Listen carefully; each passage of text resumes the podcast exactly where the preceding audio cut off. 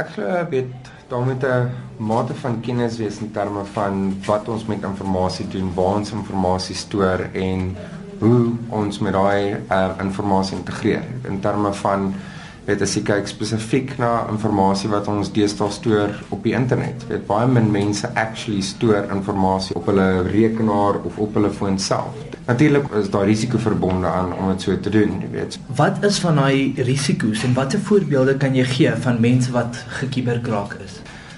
Grootendeels die meeste voorbeelde wat ons kan gee of tipes van risiko's wat daai uh, platforms en oor die algemeen e-pos weet ons kan blootstel aan is nommer 1 ons sien baie van hierdie social engineering attacks soos hulle dit noem. So wat hulle doen is hulle bekom inligting oor jou as persoon, jou besigheid en wat hulle doen met daai inligting is hulle probeer jou naboots as dit sin maak. So ons noem dit spoofing. En hulle kan daai e-mail so goed skryf dat dit lyk asof dit van jou af gekom het.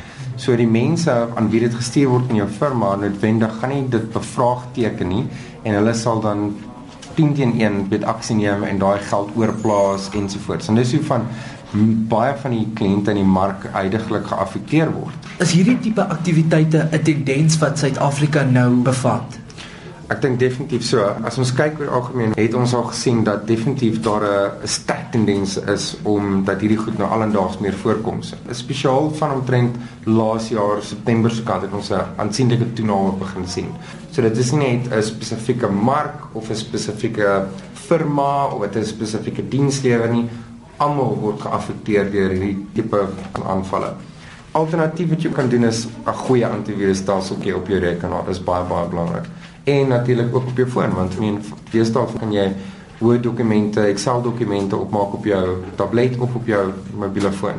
Wat is dit wat op ons e-poste is wat dit so waardevol maak? 99% van die tyd is e-pos 'n besigheid se primêre vorm van kommunikasie.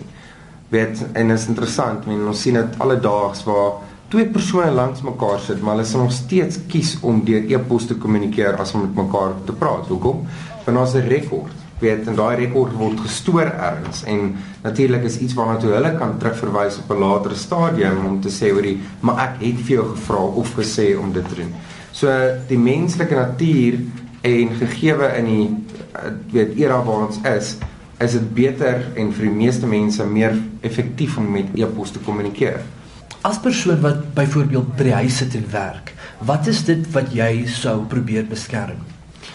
'n Paar goedjies wat mens moet na kyk. Nommer 1 is jy wil natuurlik seker maak dat die rekenaar virusvry is. Dat daar niks in die agtergrond hardloop wat inligting oor jou as 'n verbruiker of enigiemand in jou familie wat jy kan gebruik natuurlik uitstuur oor die internet nie. Boonbehalwe die kennis wat jy moet opbou rondom wat is die huidige weet sekuriteitsrisiko's op die internet, moet jy ook natuurlik seker maak jy die regte tipe sagteware op jou rekenaar sodat as byvoorbeeld uh, jy 'n goeie antivirus het, dit kan optel wanneer jy iets aflaai van die internet af wat dalk iets in die agtergrond vir jou kan monitor en inligting oor jou stuur of oor iemand wat die rekenaar gebruik aan aan kiberkrakers.